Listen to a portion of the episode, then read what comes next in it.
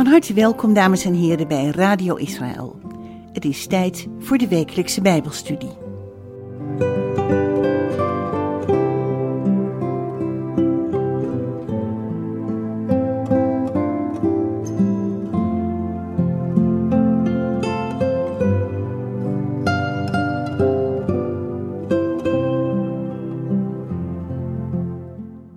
Shalom luisteraars.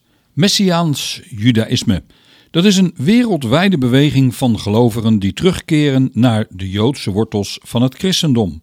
Is deze beweging geleid door Gods geest of is het een beweging die gelovigen onder de wet brengt, zoals eeuwenlang gezegd werd?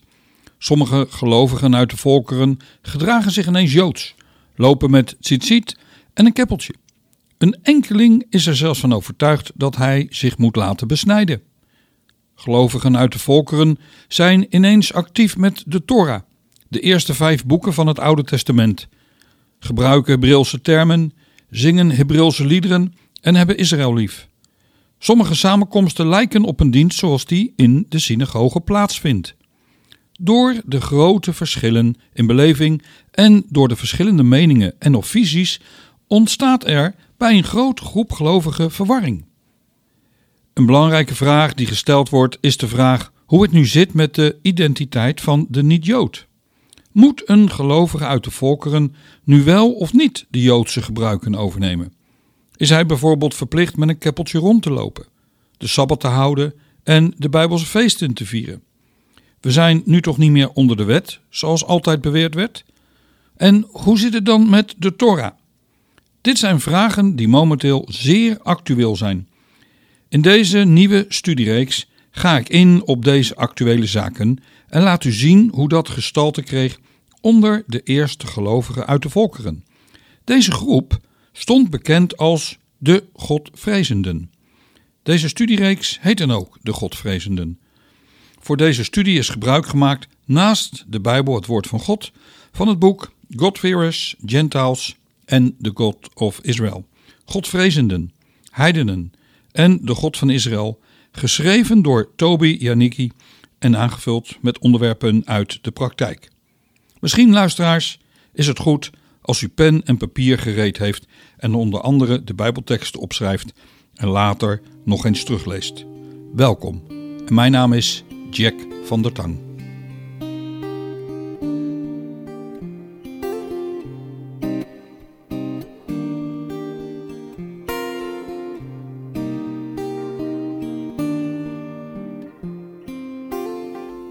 Vandaag gaan we het hebben over de Sabbat.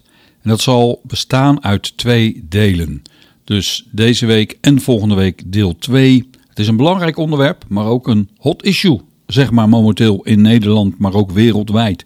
Hoe moeten wij met de Sabbat omgaan? En ik ga niet pretenderen dat hier het antwoord komt en dat dit 100% het is, maar ik geef u als het ware stof om over na te denken. De seculiere Joodse Zionist Asher Ginsberg, hij heeft ooit gezegd: meer dan het Joodse volk de Sabbat heeft gehouden, heeft de Sabbat het Joodse volk gehouden. Wat bedoelde hij daarmee? Het houden van de Sabbat duizenden jaren door het Joodse volk heeft het Joodse volk bij elkaar gehouden, bewaard tijdens hun tumultueuze bestaan. Het concept om één dag rust te nemen, elke zeven dagen, was en is ongekend in het oude Midden-Oosten. De Sabbat betekende een, van de grootste uitvindingen van de Bijbel en het waarmerk van het Joodse religieuze leven. De Sabbat geeft niet alleen een dag van rust in de chaos van de wereld, maar betekent ook dat elke Jood de gelegenheid krijgt om als het ware zijn geestelijke batterij opnieuw op te laden en verbonden te zijn met de Almachtige. Het geeft de mogelijkheid om gericht te zijn op dat wat belangrijk is en waar het eigenlijk allemaal om draait. Het gaat er niet om dat de werkweek tot een einde komt, maar dat deze heilige dag juist bereikt wordt. Exodus 31 vertelt ons dat de Sabbat een verbondsteken is van een unieke relatie tussen de God van Israël en het Joodse volk. Dat is geweldig en goed voor het Joodse volk. Maar de vraag is: is er ook een sabbatsrust voor de godvrezende heidense gelovigen in de Messias? Kunnen de heidenen de sabbat vieren en daarmee de zegen ontvangen zonder dat de heidense gelovigen de unieke roeping van God voor het Joodse volk met betrekking tot de sabbat overtreedt? In dit hoofdstuk gaan we ontdekken dat er plaats is voor hen uit de naties die zich hebben aangesloten bij Israël om deel te nemen aan de Sabbatsrust. Duizenden jaren voordat de Torah aan Israël werd gegeven op de berg Sinai aan Israël, had God zelf al het fundament gelegd voor de Sabbat tijdens de schepping om op de zevende dag te rusten. Genesis 2 zegt het zo: Zo zijn de hemel en de aarde voltooid en heel hun legermacht. Toen God op de zevende dag zijn werk dat hij gemaakt had voltooid had, rustte hij op de zevende dag van al zijn werk wat hij gemaakt had. En God zegende de zevende dag en heiligde die, want daarop rustte hij van al zijn werk dat God schiep door het te maken. Het zelfstandige naamwoord Sabbat, dat staat dus niet hier in dit gedeelte wat we net gelezen hebben in Genesis 2, de eerste drie versen. Maar twee keer wordt hier het werkwoord gebruikt Javat. En dat betekent stoppen of rusten. Leuk is dat, of ja, apart, dat in het moderne Hebreeuws dat woord Shavat nu betekent staken. Alhoewel het woord dus van de Sabbat niet expliciet wordt genoemd, zo wordt er in dit Bijbelgedeelte ook niet gesproken in de gebiedende wijs. De betekenis van deze tekst is duidelijk. God stelt de zevende dag niet alleen in als een dag van rust, maar hij verklaart de dag als gezegend en geheiligd. De Sabbat is apart gezet van alle andere dagen. Rabbi Chaim ben Attar, hij levende in de 18e eeuw, in zijn werk Or Hachaim verklaart, hij verklaart daar dat een minder letterlijk lezen van de tekst kan als uitleg geven dat de ziel van de schepping verstrekt of gedeeld werd op de Sabbat. Nou, hij verwijst daarvoor naar de tekst uit Exodus 31, vers 17. En daar staat: Hij zal tussen mij en de Israëlieten voor eeuwig een teken zijn. Want de Heere heeft in zes dagen de hemel en de aarde gemaakt, en op de zevende dag heeft hij gerust en zich verkwikt. Het woord verkwikt is in het Hebreeuws vayinavash en bevat het woord nevesh. Als de rabbijn dan hier aan de slag mee gaat en werken met dit woord nevesh en de betekenis, dan komt hij tot de conclusie, dan zegt hij als het ware, op de Sabbatdag heeft God de ziel van de wereld geschapen. De duidelijkste, ja, de duidelijke betekenis is zonder twijfel dat de Sabbat verkwikt, verfrist omdat God rustte op de Sabbat en de ziel arriveerde. Dit betekent dat elke schepping, elke creatie ontving een overvloed van vitaliteit, iets wat zij daarvoor aan had ontbroken volgens de rabbijn Attar. En hij zegt dan dat elke creatie, mens, dier, vegetatie, zelfs organisch materiaal, voordeel heeft van de Sabbat. Volgens hem, vanaf dat de aarde bestaat, door alle generaties waren er altijd rechtvaardige generaties die de Sabbat hebben onderhouden. Het begon met Adam, daarna Seth, Methuselah, Noach, Sem en de hele periode door naar Abraham, die dan uiteindelijk de vader van Israël werd. De Midrash verklaart dat Psalm 92 door Adam persoonlijk is gecomponeerd. En als je Psalm 92 zou openslaan in je Bijbel, dan staat in de herziende statenvertaling, en ik heb niet zo gauw gekeken wat er in de andere vertalingen staat, maar staat erboven, een psalm, een lied op de Sabbatdag. En daarom zeggen de wijzen van Israël, de Sabbatdag is overgedragen door de niet-Joden, lang voordat de stok als het ware werd overhandigd, als ja, dat de Sabbat werd overgedragen door hen aan het Joodse volk. De Sabbat. De Sabbat is een expliciet gebod en een teken tussen God en het Joodse volk nadat God Israël heeft bevrijd uit Egypte. Ik ga met u lezen uit Exodus 31. U dan, vers 13, u dan, spreek tot de Israëlieten en zeg, u moet zeker mijn Sabbatten in acht nemen, want dat is een teken tussen mij en u. Al uw generaties door, zodat men weet dat ik de Heer ben die u heiligt. Ja, u moet de Sabbat in acht nemen, want die is voor u heilig. Wie hem ontheiligt, moet zeker gedood worden. Ja, ieder die op die dag werk verricht, die persoon moet uitgeroeid worden uit het midden van zijn volksgenoten. Vers 17. Hij zal tussen mij en de Israëlieten voor eeuwig een teken zijn. Voor eeuwig, luisteraars. Want de Heer heeft in zes dagen de hemel en de aarde gemaakt, en op de zevende dag heeft Hij gerust en zich verkwikt. De Sabbat is de zegel van het verbond dat God met Israël heeft gesloten op de berg Sinai. En het in acht nemen daarvan is het teken of bewijs van de unieke relatie die God heeft met het volk Israël.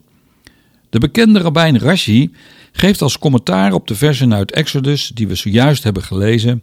En dan zegt hij: Het is een groot teken tussen ons dat Hashem, dus de Heere, heeft gekozen om zijn verkozen dag van rust, om die onze dag van rust te laten zijn.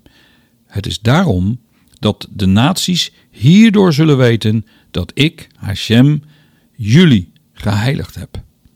God heeft Israël ja, apart gezet van alle andere naties. Hij heeft dat volk gekozen om zijn naam te dragen naar de rest van de wereld.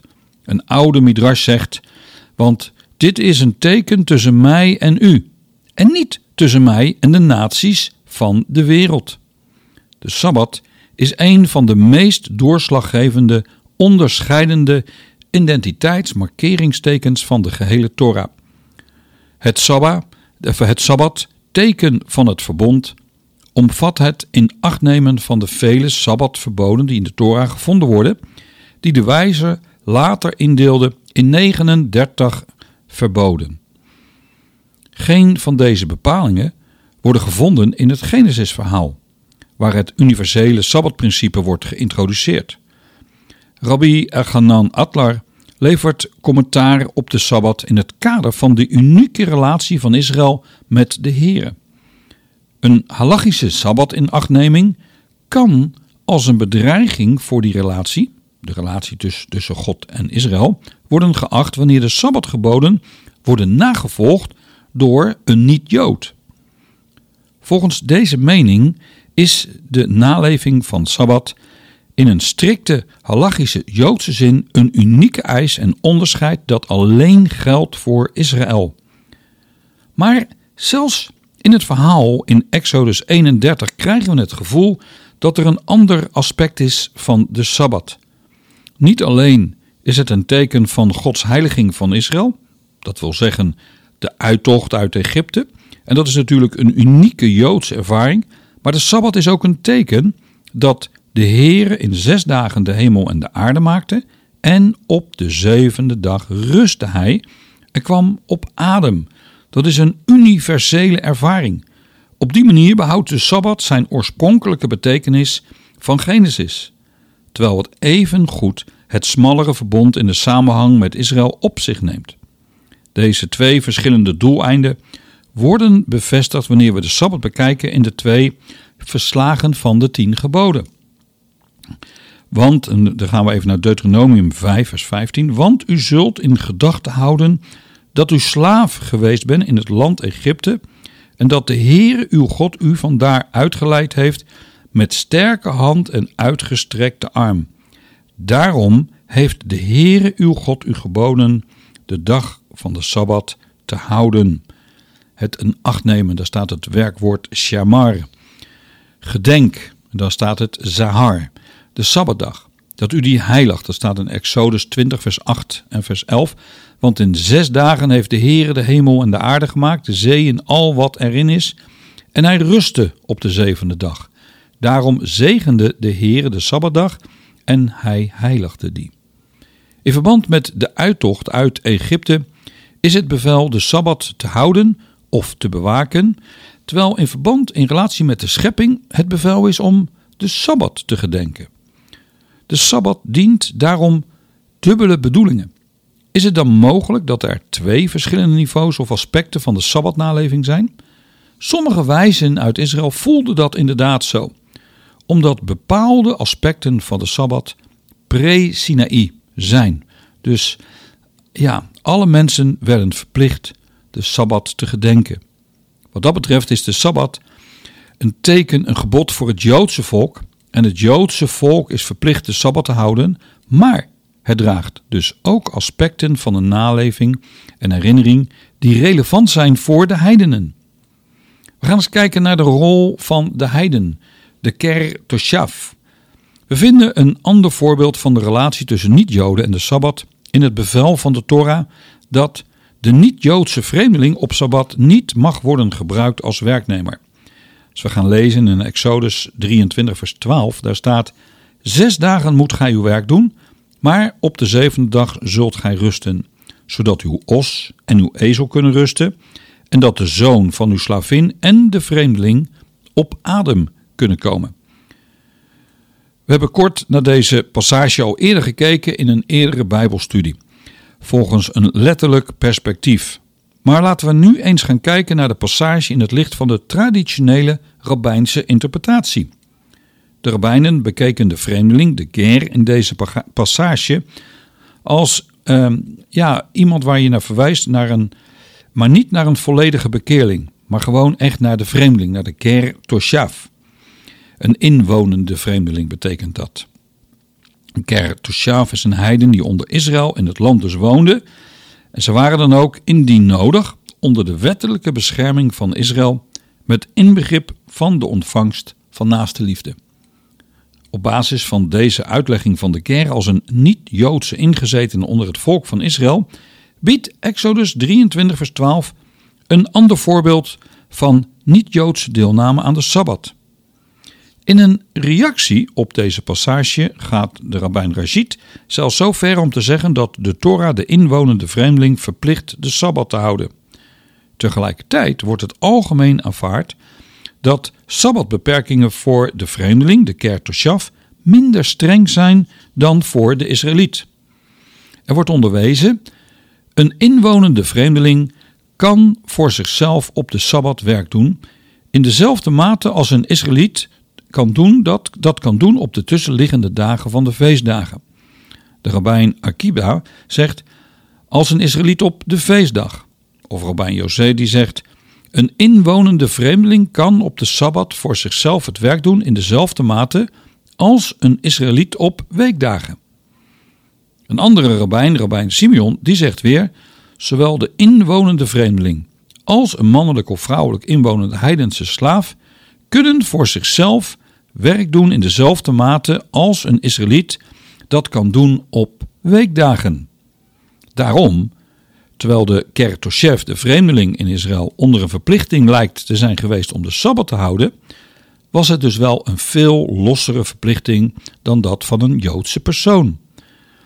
Als geheel is de categorie van de vreemdeling in Israël, de Kertoshav, moeilijk precies te definiëren. Volgens de meeste halachische autoriteiten is deze klassificatie van heidenen vandaag de dag niet van toepassing, omdat het afhankelijk is van de naleving van het jubeljaar. Er zijn echter enkele halagisten die geloven dat de categorie van de kertoshav, de vreemdeling, kan worden gebruikt om naleving van de Sabbat door de heidenen vandaag te rechtvaardigen. We gaan eens kijken met elkaar naar Jesaja 56. Dat is een van de meest geciteerde passages in de Tenach met betrekking tot het onderhouden van de Sabbat door heidenen. Hier lezen we over, de, over Gods belofte voor de ontmanden en de vreemdeling dat zij een plaats kunnen vinden tussen het Joodse volk. We gaan eens even lezen uit Jesaja 56. Daar staat: Laat de vreemdeling die zich bij de Heere gevoegd heeft niet zeggen: De Heere heeft mij geheel en al van zijn volk gescheiden. Laat de ontmande niet zeggen: Zie, ik ben maar een dorre boom. Want zo zegt de Heere over de ontmanden die mijn sabbatten in acht nemen, verkiezen wat mij behaagt en vasthouden aan mijn verbond, Ik zal hun in mijn huis en binnen mijn muren een plaats geven en een naam.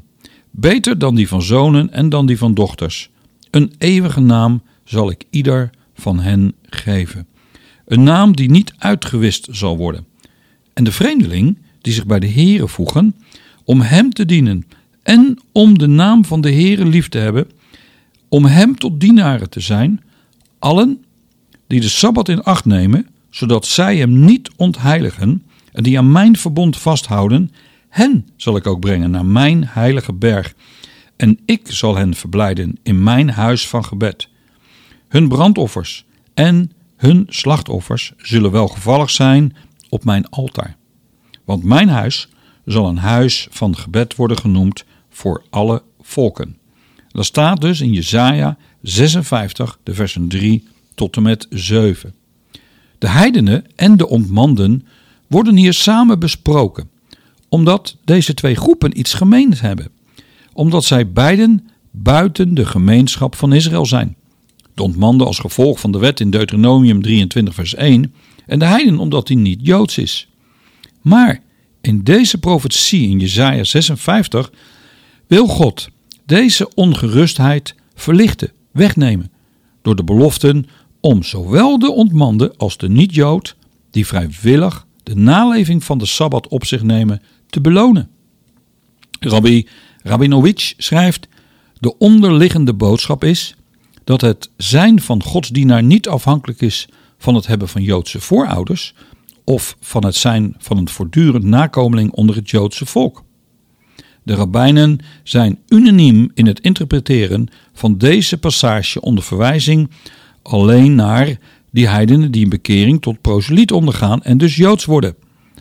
Dat wil zeggen, de heidenen van alle volkeren worden eerst Joods en hebben dan toegang tot de tempel en de offerdiensten.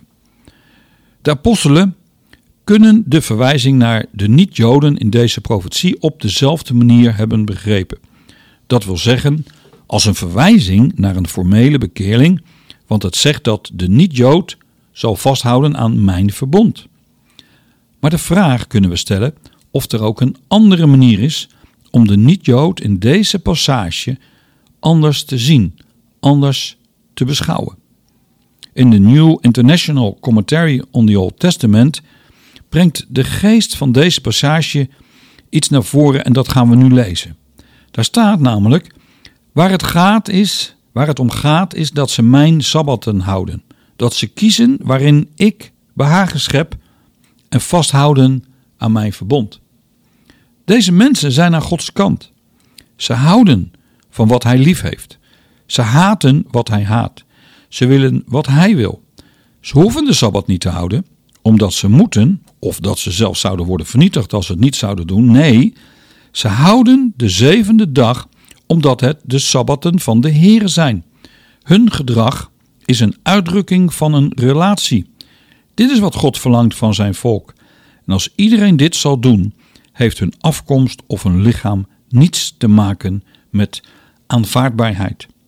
In tegenstelling tot de traditionele verklaring moeten we waarschijnlijk de heidenen die besproken worden in Jesaja 56 niet beschouwen als geheel wettelijke bekeerlingen, de proselieten, de Joden werden. Als ze dat waren namelijk, dan zou er niets bijzonders zijn over hun vergaderd zijn met Israël. Of de privileges die ze hebben ontvangen om in de tempel te zijn.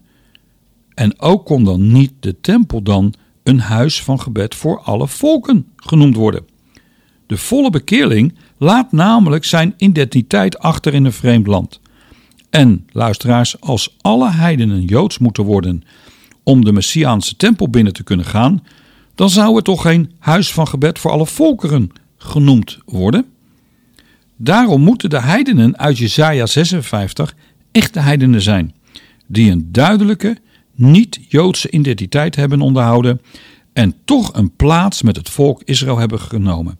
Zij kiezen en zij kozen vrijwillig voor het in acht nemen van de Sabbat, samen met Israël.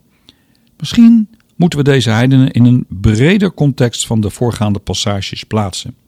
In hoofdstuk 55 spreekt de Heer over zijn dienaar de Messias en zegt: Zie, ik maak hem tot een getuige voor de volken, een vorst en gebieder voor de volken.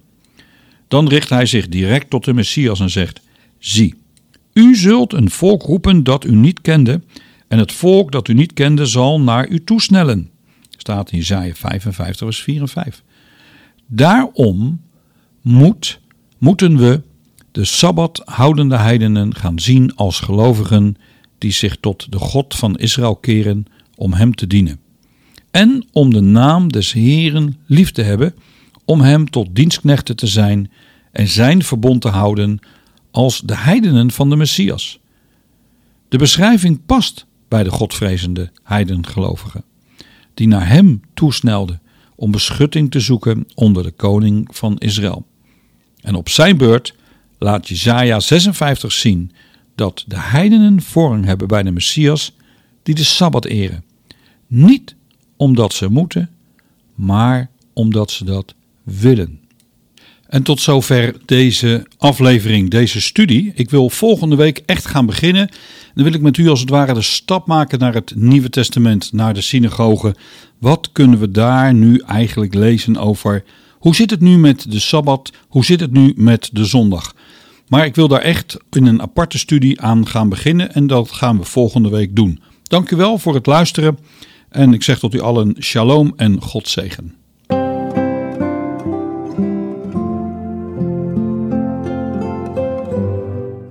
Hebt geluisterd naar de wekelijkse Bijbelstudie op Radio Israël.